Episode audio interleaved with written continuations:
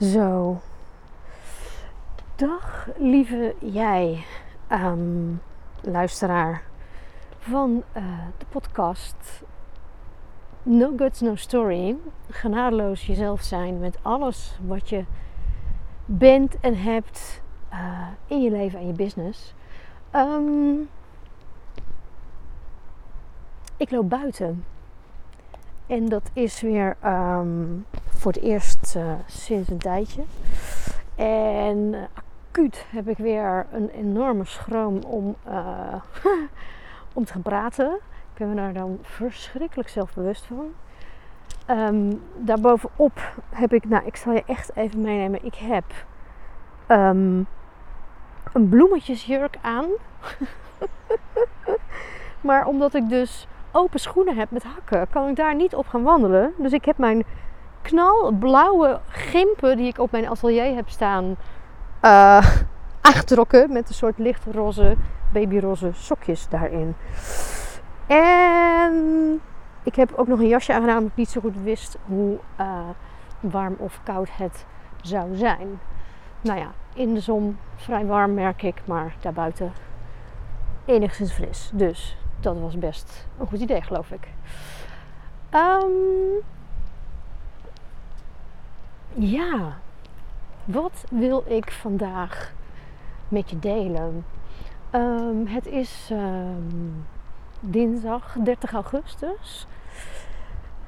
Uh, we lopen tegen het eind van de zomer. uh, mijn kids zijn uh, vorige week alweer naar school gegaan. Dus um, ik zit al redelijk in dat ritme. En ja, ik had eigenlijk gewoon heel veel zin om weer eens een podcast op te nemen. Maar ik zat ook een soort van te denken, ja, waarover dan precies? Want um, ja, ik voel dan soms toch een soort druk. Uh, dat ik dan het gevoel heb van, ja, ik moet allemaal goede tips en adviezen delen. Of moet over storytelling gaan. En nou ja, uh, dat is ook allemaal waar op een bepaalde manier. Maar um, in mijn laatste podcast heb ik je ook ja, een beetje meegenomen in mijn uh, afgelopen twee, drie maanden van, van het niet weten en eigenlijk tot ja, het moment van dat ik het wel uh, weet.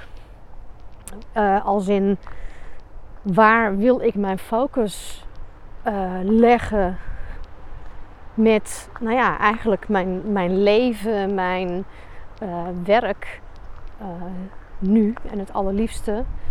Um, en dat is bij schrijven. En um, nou, eigenlijk vorige week ben ik helemaal in mijn boek gedoken weer. Um, ik heb me voorgenomen om de komende zeven weken, dus inclusief deze week. Oh, ik hoop echt dat het goed gaat met het geluid ook trouwens, qua wind. Nou ja, goed, mijn microfoontje is volgens mij wel enigszins goed. Nou ja, anders heb je helaas wat bijgeluiden erbij van een beetje wind eromheen. Uh, maar goed, ik uh, ben uh, een soort challenge aangegaan met mezelf. Om um, fearless te gaan schrijven de komende zeven weken. Als in um, ehm, 10.000 woorden per week. Als richtlijn, als doel. Omdat ik, nou ik wil gewoon meters maken. Dat is één. Ik wil dat het boek er komt. En um, ja, schrijven is, is niet gaan zitten wachten tot er een keer inspiratie komt. Ik bedoel, ik heb gewoon een plan. Ik heb een, een soort structuur, een kader voor mijn boek. En um, voor een deel, voor een groot deel eigenlijk, klinkt misschien heel raar, maar is het gewoon invullen van dat kader. Is het, is het gewoon alle, uh, ja, alle, alle vakjes, alle onderdeeltjes gewoon invullen invullen met woorden. Invullen met gewoon de, de, ja, de, de, de stukken die ik daarover wil schrijven. Dus is het ook een kwestie van ja, gewoon gaan zitten en doen. Um, en het moment dat je dat doet en je helemaal in je focus en je concentratie komt, ja, dan kom je in een flow en dan uh, zit je gewoon lekker te schrijven en dan, hè, dan is die, laten we zeggen, de inspiratie er in die zin dat de inspiratie eruit bestaat dat, um, dat de woorden eruit komen, zeg maar. De woorden uit mij komen om te schrijven wat ik wil schrijven. En uh, met de woorden die ik, die ik daarvoor, ja, die gewoon daarvoor in mij opkomen. Zo is. Nou, klinkt misschien een beetje vaag. En vervolgens ga je natuurlijk al die fases daarna van redigeren, verfijnen enzovoort. Maar um, het is nu echt voor mij zaak om um, ja, de grove invulling, de bulk gewoon eruit te gaan. Ja, braken is een beetje een uh, goor woord misschien. Uh, maar soms voelt het wel zo. Uh, alleen dan gelukkig met, met uh, nou ja, mooie woorden in plaats van met braaksel, zeg maar. Nou ja, goed, dat hoop ik dan natuurlijk uiteindelijk dat het, dat het toch gezien wordt als, als mooie woorden en niet als braaksel. Maar goed, bij reviews en zo zijn we natuurlijk nog lang niet. Nou goed, dus daar ben ik. En uh, nou, andere dingen die ik me heel erg, uh, of heel erg, andere dingen. Oh, een auto, een heleboel herrie. Ja, het is misschien moeten we maar zien. Oh ja, even kijken. Oh ja, gaat, loopt nog wel door. Moeten we even zien of het uiteindelijk echt goed gaat. Maar goed, we zullen het zien. Misschien kan ik er nog wat herrie uitfilteren later. Um, wat wilde ik nou zeggen? Oh ja, daarnaast heb ik. Um, ben ik ook weer um, vrij lekker in een soort routine gegaan van. Uh, erg op mijn eten letten door de week. Als in gezond, niet snoepen, niet drinken, dat soort zaken. echt een beetje routine erin aanbrengen. En nou ja, wandelen is een van de dingen die ik een tijdje echt ja, elke dag uh, lekker deed. Gewoon even dat atelier uit. Uh, bewegen, je lijf in beweging. En ja, goed, al maanden en maanden doe ik het helemaal niet. Nu loop ik hier en denk ik, jezus, waarom heb ik dat al die tijd gewoon niet gedaan? Zeker met het lekkere weer. God, heerlijk. Even bewegen. Ja. Nou goed, zolang ik ook niet, zolang ik dan maar geen mensen tegenkom of zo die, die horen wat ik allemaal zeg. Ja, goed. Nou, ik blijf daar moeite mee houden. Anyway. Um, wat wil ik eigenlijk nu nog meer zeggen over, uh, ja, over het schrijven en het schrijfproces eigenlijk? Ik kan er heel veel over zeggen. Uh, maar het is, ik, ik, vind het ook best wel lastig soms om daar dingen over te delen. Uh, om meerdere redenen. Ik heb best wel ook ergens een gevoel van ja, niet te veel weggeven vooraf. Of eh, niet te veel vertellen, een beetje een soort, zeg je dat, uh, anticipation opbouwen daarin. Maar het zit hem ook wel in een stuk van, ja, kan ik het allemaal waar gaan maken? Ja, kijk, schrijven doe je in je eentje. En het is, ja, in ieder geval voor mij zeker zeker waarover ik schrijf. Het is echt ook een soort ja, duik in jezelf. En ja, ik zou niet zeggen een gevecht met mijn demonen, maar het is wel ze echt uh, aanstaren en, en, en in de ogen kijken. En, en vervolgens alsof je er tegenover staat en, en dan gewoon hardop gaan uitspreken. En in dit geval opschrijven ja, wat je daar allemaal van vindt. Wat je ziet, wat je vindt, wat je voelt, wat je denkt. Uh, en dat. En dat is best wel pittig bij momenten. Um, en ja, het, nadeel van schrijven is, ik kan er helemaal euforisch van raken. Van als ik dan heerlijk heb geschreven, en dan, dan, dan zit ik stuiterend, uh, sluit, ik die laptop af. En dan, um, en dan tegelijkertijd uh, uh, of dan lees ik nog ergens een eerder geschreven stukje, eventjes zo. En dan denk ik, oh, nee, dit is gewoon kut. Ik denk van, het gaat nooit iemand lezen. Of het is helemaal niet... Ja, hoezo denk je dat je gelezen gaat worden, weet je wel? Dus de, de, ja, de, de twijfel over wat, wat ik schrijf en het, um, ja, of het goed genoeg is allemaal twijfel, ja, die blijft elke keer opnieuw toeslaan. En dat is ook gewoon, dat is best wel ingewikkeld. Maar goed, daar heb je gewoon mee te dealen. Want dat is gewoon wat het is. En, het, en het feit dat je het dan toch doet, ondanks dat, dat je het toch aangaat, ondanks dat, dat je erin duikt, dat je er ja, gewoon voor gaat. En dat in dit geval ik denk, ja maar fucking en godverdomme, dit boek moet er gewoon komen. Ik wil dit boek schrijven, ik wil dit verhaal vertellen. Ehm, omdat ik, ja, omdat ik het wil vertellen. Ik doe het voor mezelf, maar ook. Uh, en dan hè, mezelf als in, ik wil het verhaal vertellen, maar ook ik wil iets moois creëren. Dat natuurlijk ook. En ik hoop uiteindelijk dat, dat met dit boek, ja, dat het anderen raakt op een niveau waar ze wat aan hebben. Dat het iemand raakt en, en dat uh, degene die het leest straks denkt: Wauw, um, niet alleen maar zo van dit is mooi geschreven of zo, maar vooral ook, oeh, stelletje pubers. Um, maar vooral ook dat lezers, en ik denk toch uiteindelijk ook zeker, nou ja, vooral vrouwen en uh, moeders, um, dat ik ze ergens kan raken op een niveau dat ze het gevoel hebben van hé, hey, hier herken ik misschien wel iets in. Of dit voelt als een soort erkenning van de dingen waar ik ook mee zit. Um, en als ik mensen daar. Oh, dit is echt. Uh, ik denk niet dat ik dit nog een keer doe, zo buiten opnemen. Maar goed. Um, als ik daarmee een lezer ja, enige verlichting kan geven, of een goed gevoel, of, of troost, of geruststelling, of erkenning, ja, dan ben ik gewoon eigenlijk al heel erg blij. Ja, dat, dat is dan ook wel waar ik het voor doe. Los van dat ik gewoon zelf dit heel graag wil vertellen. Ja. Maar ja, om dat te kunnen, hè, om te kunnen raken, moet ik ze wel eerst schrijven, die woorden natuurlijk. zonder mijn arbeid, zonder mijn zitvlees, uh, is er niks om vast te houden. Is er niks om, om, om af te drukken.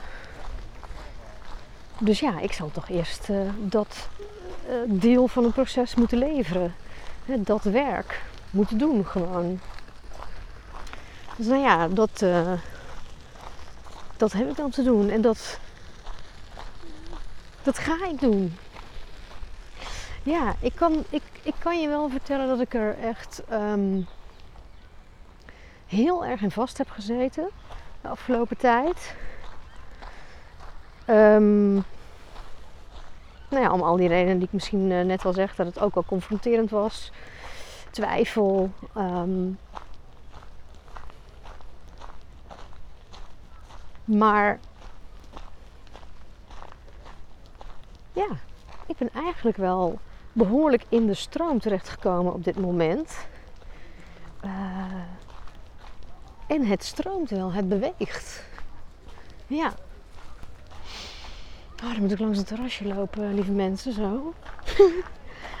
ik vind het toch zo moeilijk. Ik vind dit toch zo ontzettend moeilijk. Ongelooflijk ja, bizar. Ik snap echt werkelijk niet hoe um, vloggers of zo dit kunnen gewoon. Ik uh, begrijp er echt helemaal geen snars van. Hoe, hoe mensen dan nog met zo'n sticky en een camera uh, door zo'n park kunnen hobbelen met iedereen om zich heen. En ondertussen maar vrolijk. Nou, ik snap er helemaal niks van, sorry. Ja, niks te nadeel van. Ik vind het knap. Echt, ik heb er bewondering voor. Serieus. Ik, uh, ik ben blij dat ik het terrasje weer achter me heb gelaten. Want ondertussen hoor je waarschijnlijk mijn voeten heel hard knisperen. Ik loop namelijk op een soort grindpaadje. Ah, nou, het is trouwens wel heel lekker om, uh, om lekker even te lopen weer. Dat dan weer wel. Ja, dat heb ik dan wel weer gemist. Maar goed, dat verschrikkelijke gevoel van zelfbewustzijn om lullend over straat te lopen, dat heb ik dan toch weer niet gemist. Ah, goed. En weet je trouwens, ehm, het gekke is, ik, ik, ik loop ook wel eens gewoon berichtjes in te spreken bij een business buddy van mij, zo al wandelend. Maar ja, dat zijn dan van die voice berichtjes. En dit voelt dan toch als, als, als groter of zo, of als, uh, nou ja, zichtbaarder natuurlijk in ieder geval. Ehm, en ja, het ligt gewoon meer druk op. Heel simpel. Nou goed, die, over druk. Druk ligt er dus ook op dat boek. Ehm, ik heb de publicatiedatum en het, laten we zeggen, boekenfeestje. Waar ik natuurlijk al lang naar uitkijk. Kijk, het boekenfeestje, kijk al naar uit, weet je wel. En uh, zo'n hoop dingen die voor me liggen. denk oh, als dat er is, oh, dan ga ik dit, ga ik dat. Oh, wat heerlijk. Maar goed, het moet eerst allemaal gebeuren natuurlijk nog. Ehm, maar ik heb besloten om het ook los te laten, de datum. Eerst wil ik dus uh, voor half oktober de bulk eruit hebben. Nou ja, en dan volgen er nog zulke rondes van herstructureren, redigeren, uh, schrappen, bijwerken. Uh, vervolgens het hele stuk omslag ontwerpen.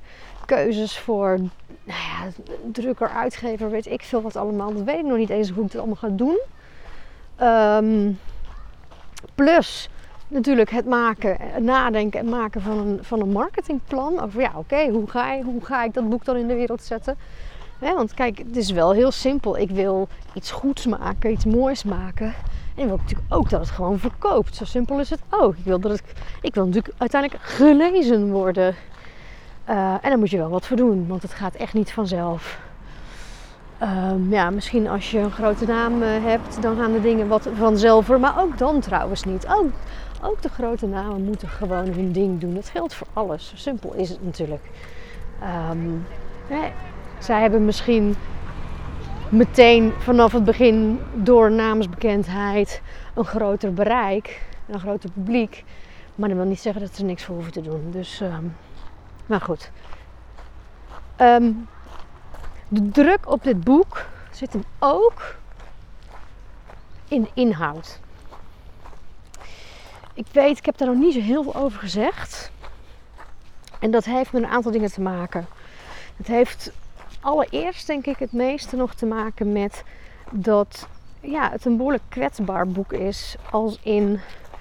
Um, het wordt natuurlijk gefictionaliseerd. De, um, het wordt, de vorm is een romanvorm.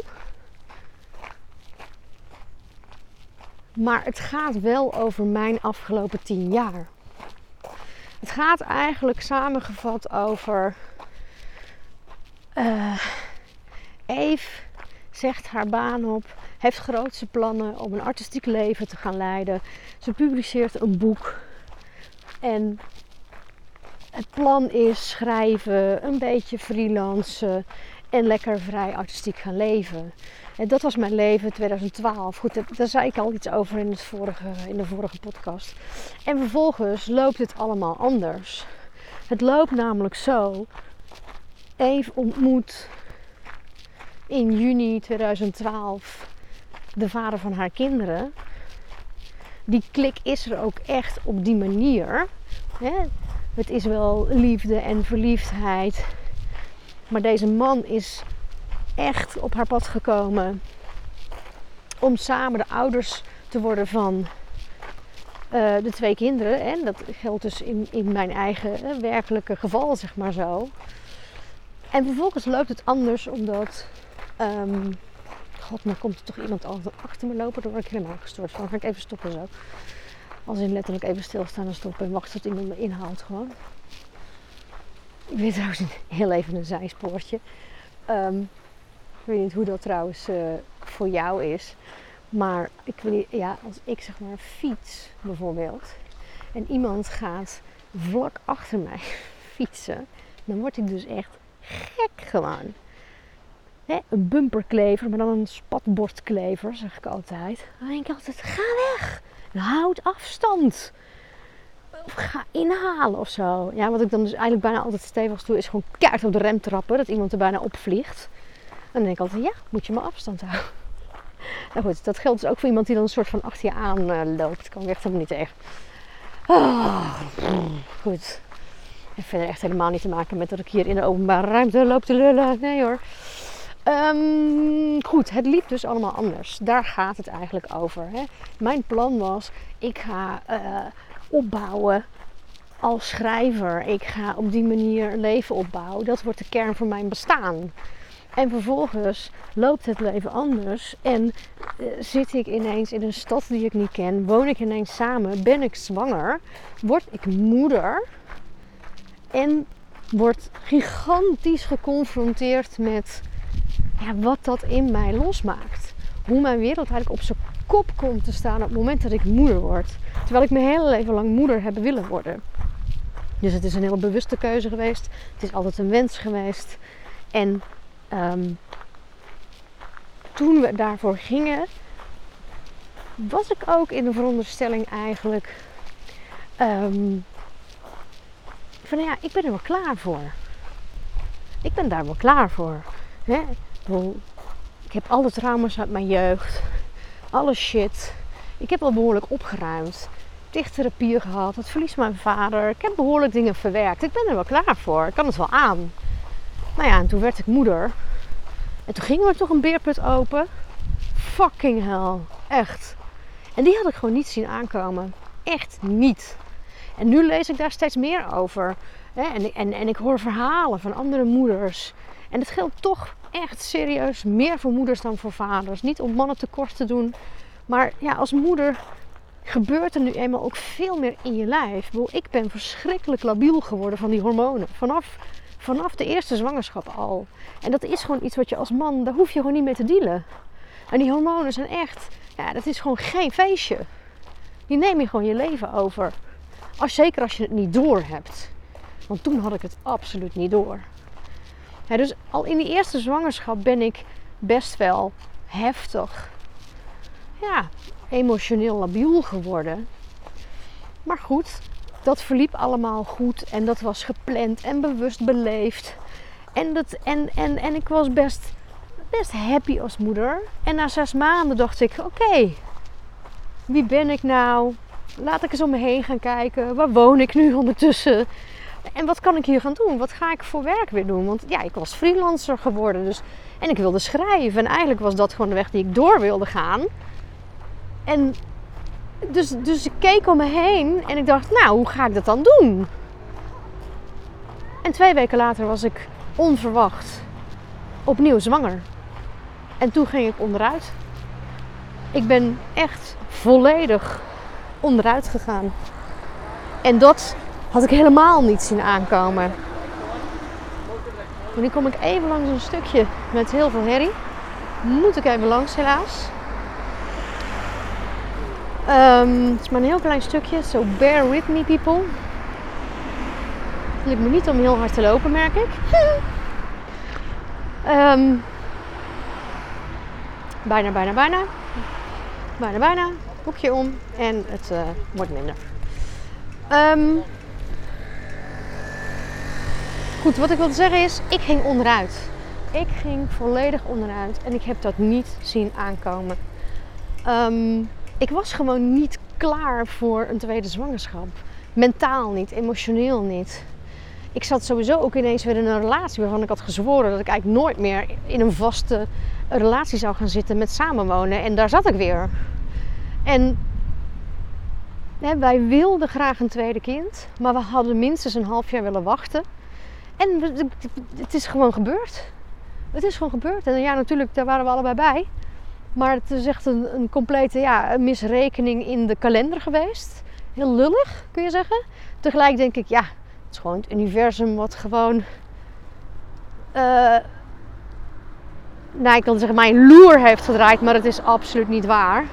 Maar dit is wel, nou ja, dit is blijkbaar de bedoeling geweest. En mijn zoon, die had gewoon echt verschrikkelijk veel haast om te komen. Dat is wel duidelijk. Nou ja, en dat gegeven het feit um, dat ik ook nog eens een zoon kreeg, daarvan ben ik echt in een totale paniek geraakt. Alleen die paniek die kon ik niet uiten. ik kon, ik kon daar niet over praten. Want ja, ik, moest, ik, ik, was, ik, ik was toch gewoon blessed. Ik was toch gezegend met nog een zwangerschap. Ja, iets eerder dan we hadden gedacht. Maar ach, het was gezond. Het was, het was, het was prima. Ik bedoel, in, in mijn omgeving verloor iemand een kind. Wat een laatste kans was. Een vriendin van mij had definitief uh, een, een um, hoe heet dat, een traject Um, nou, geen IVF, maar die, uh, dat andere UII, geloof ik heet dat. Achter de rug, wat eh, zonder succes. Dus ja, wie was ik om niet blij te zijn? Wie de fuck was ik om niet blij te zijn? En toch was ik het niet. Omdat ik het gewoon niet aankon. Ik was totaal in paniek. Alleen, die paniek heeft zich gewoon compleet naar binnen geslagen. Ik heb me helemaal afgesloten.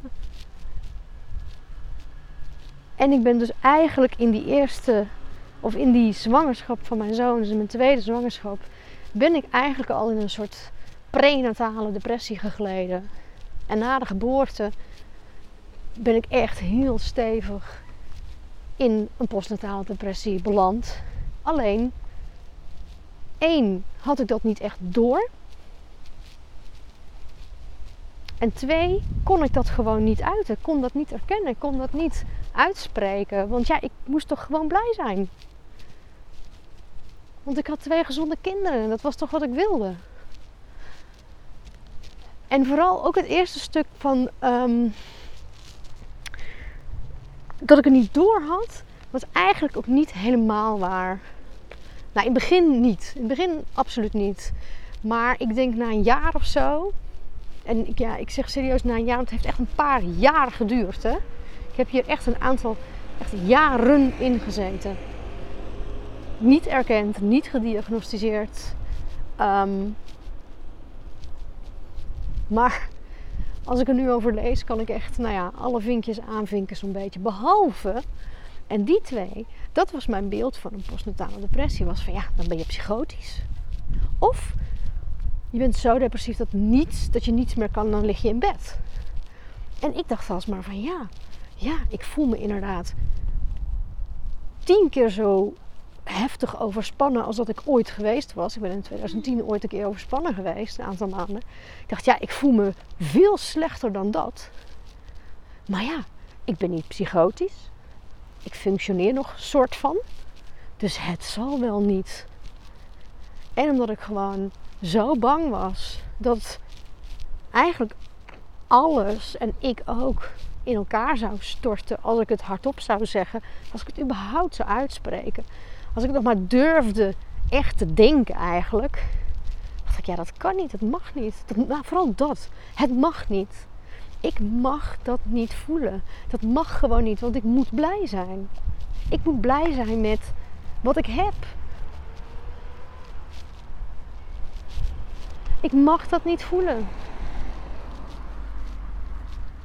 Het is onbestaanbaar dat ik dit niet kan. Ook dat. Ik moet sterk zijn. Dat heb ik mijn hele fucking leven geleerd. Sterk zijn. Hard zijn, sterk zijn, overleven. Gewoon eigenlijk jezelf uitschakelen. Aanpassen tot het moment dat het niet meer kan. En als het niet meer kan en je belandt in een crisis, ja, dan stap je op. Dat was mijn patroon.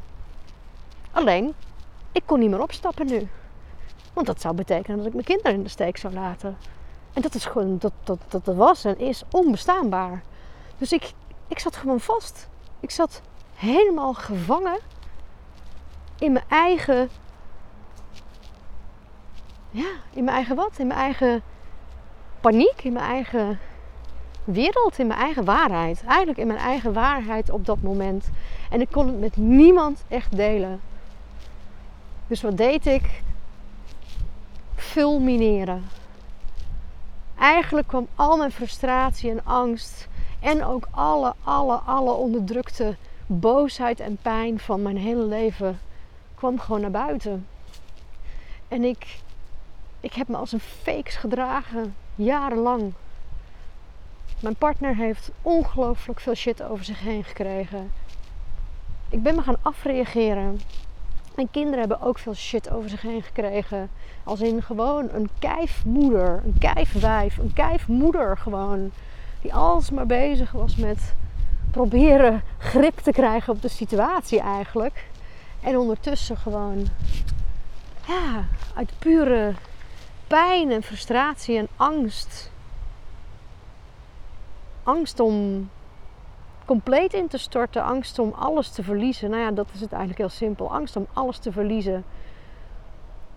Kon ik daar gewoon niet uitstappen. En het heeft heel lang geduurd. En het heeft geduurd tot ik op een gegeven moment aan persoonlijke ontwikkeling ging doen. En opnieuw in therapie ben gegaan. EMDR gedaan. Volgens mij zelfs twee keer. Um, oh nee, die eerste keer was nog tijdens de eerste zwangerschap en een beetje na de tweede. Um, maar dus ik heb op een gegeven moment EMDR gedaan. Ik heb noodkrijten laten horen. Ik heb ook echt mijn partner gesmeekt om in therapie te gaan, om, om, ja, om, om er te zijn, om, om mij ook te helpen. Alleen ja, als je smeekt door eigenlijk aan te vallen en te beschuldigen en te verwijten en te kijven. En die ander heeft als overlevingspatroon niet aanwezig zijn. En um, ja, kan daar absoluut niet mee dealen. Dan hoor je elkaar gewoon niet. Dan zie je elkaar niet meer. Dus we zijn elkaar enorm kwijtgeraakt. En ondertussen bleven we maar doorgaan. Bleven we maar dat huishouden en dat gezin laten draaien. En is mijn partner de kostwinner geworden. En kreeg ik geen letter meer op papier. En heb ik allerlei dingen geprobeerd. En op enig moment heb ik besloten om dan maar als poets in de thuiszorg te gaan werken. Dat heb ik een jaar gedaan in 2017. En eigenlijk zat ik er toen nog steeds middenin. Uh, na twee weken dat ik, dat, daar begonnen was, dacht ik op enig moment, ik moet hierover gaan schrijven. Dan ben ik een soort dagboek gaan bijhouden. Maar ook over, over al, die, al die verschrikkelijke momenten dat ik in mijn hoofd opgesloten zat. Ehm, en ik zat er toen nog heel diep in. Want als ik dat nu teruglees, oh, dat doet zo'n pijn. En dan ben ik wel heel blij dat ik daar absoluut niet meer ben nu. Ehm, maar goed, dat was stap 1. En uiteindelijk um, in 2018 ben ik naar de huisarts gegaan. En toen heb ik daar wel iets over gezegd. En toen heb ik heel voorzichtig dat balletje opgeworpen van ja, goh ja ja, ik heb hier wel eens over gelezen, postnataal depressie. En ik dacht van ja, misschien, maar ja, tegelijk, ik heb dit en dit en dit niet. En dat zei ik ze. En die vrouw kijkt mij aan en die zei echt, Eve, je hoeft niet psychotisch te zijn om dit, om wel dat, hè, om, postnet, om depressief te zijn. Dus die schrok daar best wel van eigenlijk. Ja, en volgens mij ben ik daarna nog een keer in therapie gegaan. En toen heb ik besloten om me te laten steriliseren. Omdat het voor mij nodig was om heel rigoureus die weg af te sluiten. Ik was zo ontzettend bang om weer zwanger te worden. Omdat we zo vruchtbaar bleken. Zelfs op eind 30 nog. Dat ik dat gewoon toch heb gedaan. Alles eigenlijk om een soort grip te krijgen op mijn leven en op de situatie. En heel langzaam ben ik eruit gekrabbeld. Heel erg langzaam. En toen is tantra op mijn pad gekomen ook. Ehm, maar het feit dat ik niet alleen maar dat ik zo diep heb gezeten, dat is iets wat ik best wel moeilijk vind om over te gaan schrijven. Maar het feit vooral dat ik zo'n fakes ben geweest zo verschrikkelijk. Echt, ik heb ook mezelf echt gehaat. Gewoon om, om, om mijn eigen gedrag en mijn eigen onvermogen daar wel in. Maar wat ik gewoon, ja, zeg maar, niet letterlijk, maar in, in woorden, emoties om me heen sloeg. Uit, ja, eigenlijk uit pure nood en pure pijn en, en wanhoop. En het feit dat eigenlijk niemand dat zag. Dat deed me er bovenop ook nog eens heel veel pijn. Dat niemand echt zag eigenlijk hoe het zat. Oh, tegelijk kan dat niemand kwalijk nemen, want ik ben echt een meester in, uh, in sterk zijn. En een meester in, in dat dus ook verbergen uiteindelijk. En de buitenkant eruit laten zien alsof ik het toch allemaal nog wel op orde had of zo. En misschien dat het ook uitmaakte dat ik verspreide vriendschappen heb, dat ik tegen verschillende mensen over verschillende dingen kon praten. Ik weet het niet. Maar daar schrijf ik nu over, lieve mensen, lieve jij. Ik vind dat echt pittig, kan ik je vertellen. Ik kan het nu met moeite zeggen zonder tranen. Het raakt me heel erg. Het voelt namelijk ongelooflijk kwetsbaar om daarover te gaan schrijven.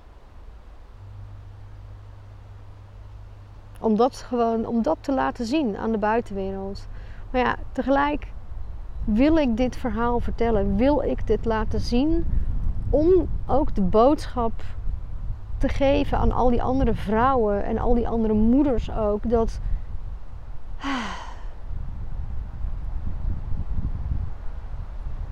dat dus de kinderen waar je zo gruwelijk veel van houdt. En hè, die liefde die staat gewoon, die is, die, die is er en die blijft voor altijd overeind. Maar dat, en dus desondanks dat je dus heel graag moeder wil worden, dat je zo onderuit kunt gaan daarin. En dat dat niet per se jouw schuld is. En dat. Ja, ik zou willen dat er meer over gesproken wordt. Want ik heb jaren vastgezeten in een angst daarover. Als maar niemand echt weet hoe ik me voel. Als maar niemand echt weet hoe het echt is hier met mij en met ons en binnen in ons huis. Als maar niemand het echt weet. Want dan faal ik compleet als moeder, dan faal ik als vrouw, dan faal ik als mens, dan, dan ben ik slecht, dan, dan, dan raak ik mijn kinderen kwijt. Dat is mijn aller, allergrootste angst. En nu ga ik daar dus wel over schrijven. En ik kan je echt vertellen, ik ga het doen, maar ik vind het fucking scary. Ik ben doodsbang om toch nog afgerekend te worden daarop. Om toch nog veroordeeld te worden. Toch nog het label te krijgen: jij bent een slechte moeder. En ik besef me dat dat, dat zal gebeuren door sommige mensen. Dat gaat ongetwijfeld gebeuren. Ja. En dat is oké. Nu, nu ben ik daar oké mee. Daarom kan ik het dus nu pas. Daarom kan ik pas nu, tien jaar hè, later dan ik onderweg was naar dat leven als auteur. Nu pas kan ik dit echt gaan schrijven. En ik moet eerst dit schrijven voordat ik de andere dingen kan schrijven die in mijn hoofd zitten. Ik bedoel, er zit nog een heel boek over mijn Italië-reis. Er zit nog een roman, er zit een boek over mijn vader in me, er zitten nog veel meer dingen in mij. Maar dit moet eerst. Ik heb toch het gevoel dat ik een soort verklaring aan de buitenwereld heb af te leggen over van hé, hey, maar Eve ging toch schrijven, die vertrok toch, wat is er nou eigenlijk gebeurd met Eve?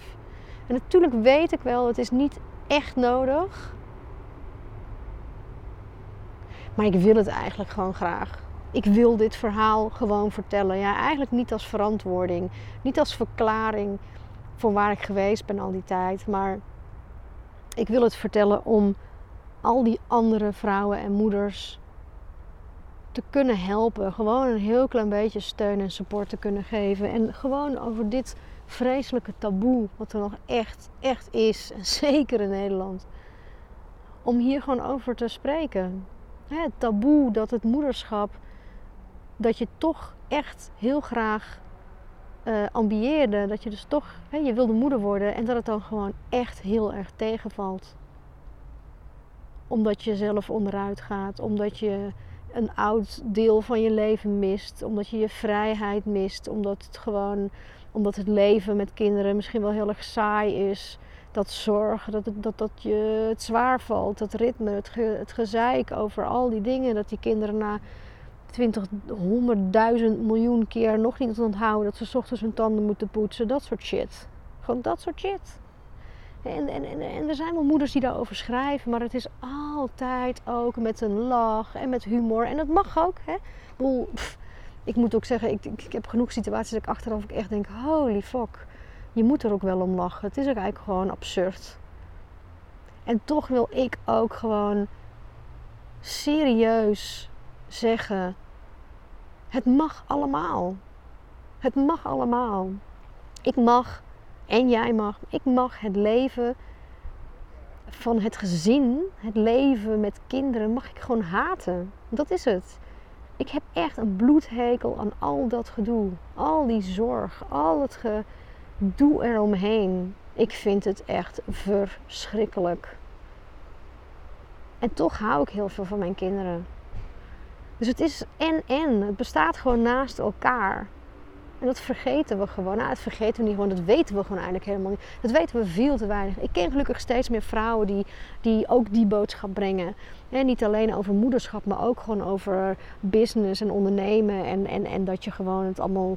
Dat het, dat het en-en is. En niet met een druk van je moet en en. Niet van je moet al uh, eeuwig uh, sexy blijven en jong blijven en begeerig en vervolgens de, de perfecte moeder zijn en de perfecte businessvrouw. Dat niet. Niet uit een moeten als in dat je moet voldoen aan een plaatje. Dat niet. Maar wel een en en als in als jij, als ik. Laat ik het even bij mezelf houden. Als ik vrij wil zijn, artistiek wil leven, als ik wil schrijven. En ik ben ook moeder. Dan mag ik dat allebei. En dan mag ik bij momenten het moederschap vervloeken. Omdat het bijvoorbeeld mijn schrijverschap in de weg staat, of mijn creativiteit, of mijn vrije gevoel. Dat, daar gaat het om. En natuurlijk het gaat er wel over dat je leert keuzes maken. Als in dat je niet vanuit een FOMO of vanuit een gevoel ik moet van de maatschappij dat allemaal zijn als vrouw. Ehm, nee, juist niet. Dat je dus ook keuzes maakt om sommige dingen bijvoorbeeld niet te doen. Kijk, ik heb al jaren ga ik bijna niet meer uit. Eigenlijk amper. En dat mis ik bij momenten wel eens. En als ik daar dan aan denk, af en toe wel eens een keertje een nachtje nog eens uitgegaan, heb ik gewoon drie dagen helemaal kapot. En dat heeft gewoon te maken met hoe, hoe vermoeid mijn lijf is. En, ehm, en, en, en al die, het andere ritme wat ik daarna dan weer moet oppakken. Nou ja, dus goed, dan, dan kies ik er dus voor ja, om dat veel minder te doen. En dat is oké.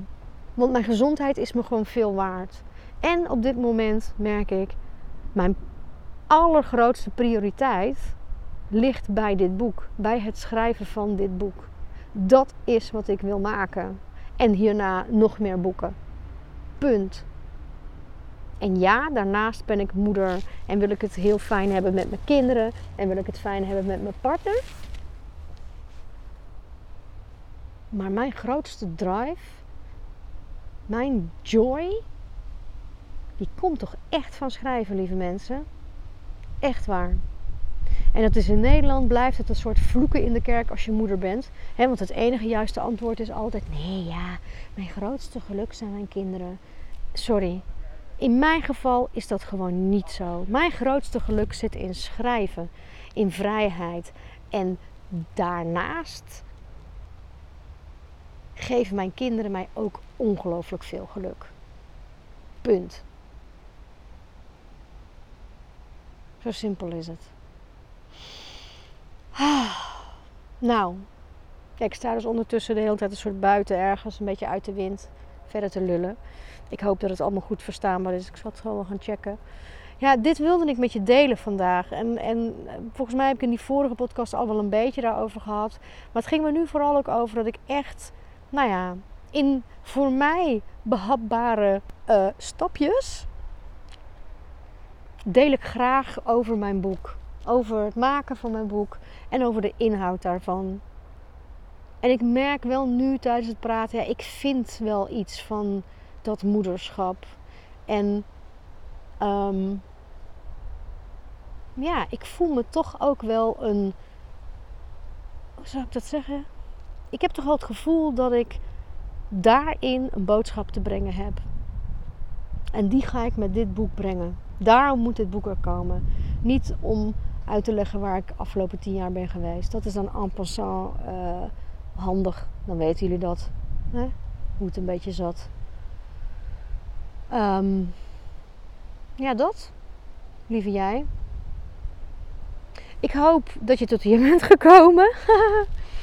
dat je het. Um, nou ja, dat je het boeiend genoeg vond. Dat, je, dat het misschien ook wel iets met je doet. Ik, ik hoop dat het je aan het denken zet.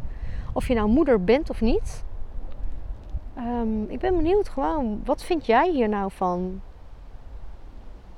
Ja, wat vind jij hier nou van? Niet zozeer van mij of van mijn boek, maar gewoon wat vind jij nou van dit hele issue? Als we het nou hebben over moederschap, over vrijheid, over je, je eigen mooiste leven leven. Over, nou ja, genadeloos jezelf zijn. Want uiteindelijk is dat het dus ook. Dat is, ja, daar wil ik dan toch even mee afsluiten. Waar ik eigenlijk al jaren mee worstel, en daar zal ik dan in een volgende podcast nog wat meer over vertellen. Waar ik al jaren mee worstel is, uh, is dat, dat die vraag. Als ik genadeloos mezelf ben, hoe zou mijn leven er dan uitzien? En al jaren zit ik dus vast in die vraag, omdat het antwoord op die vraag niet strookt met het standaardbeeld van de moeder, van de goede moeder. Het standaardbeeld van nou ja, de hoeksteen van de samenleving, het gezin, het kerngezin. want als mijn, mijn mooiste leven zou er namelijk uitzien als een bohemien. Ik zou met een camper willen ronddolen. Ik zou willen reizen. Ik zou willen kunnen zeggen van... Hé, hey, ik stap in een vliegtuig. Hè? Dat doe ik gelukkig niet zo vaak. Hè? Ik weet, het is allemaal niet zo goed voor het milieu. Maar ik ga naar weet ik veel waar.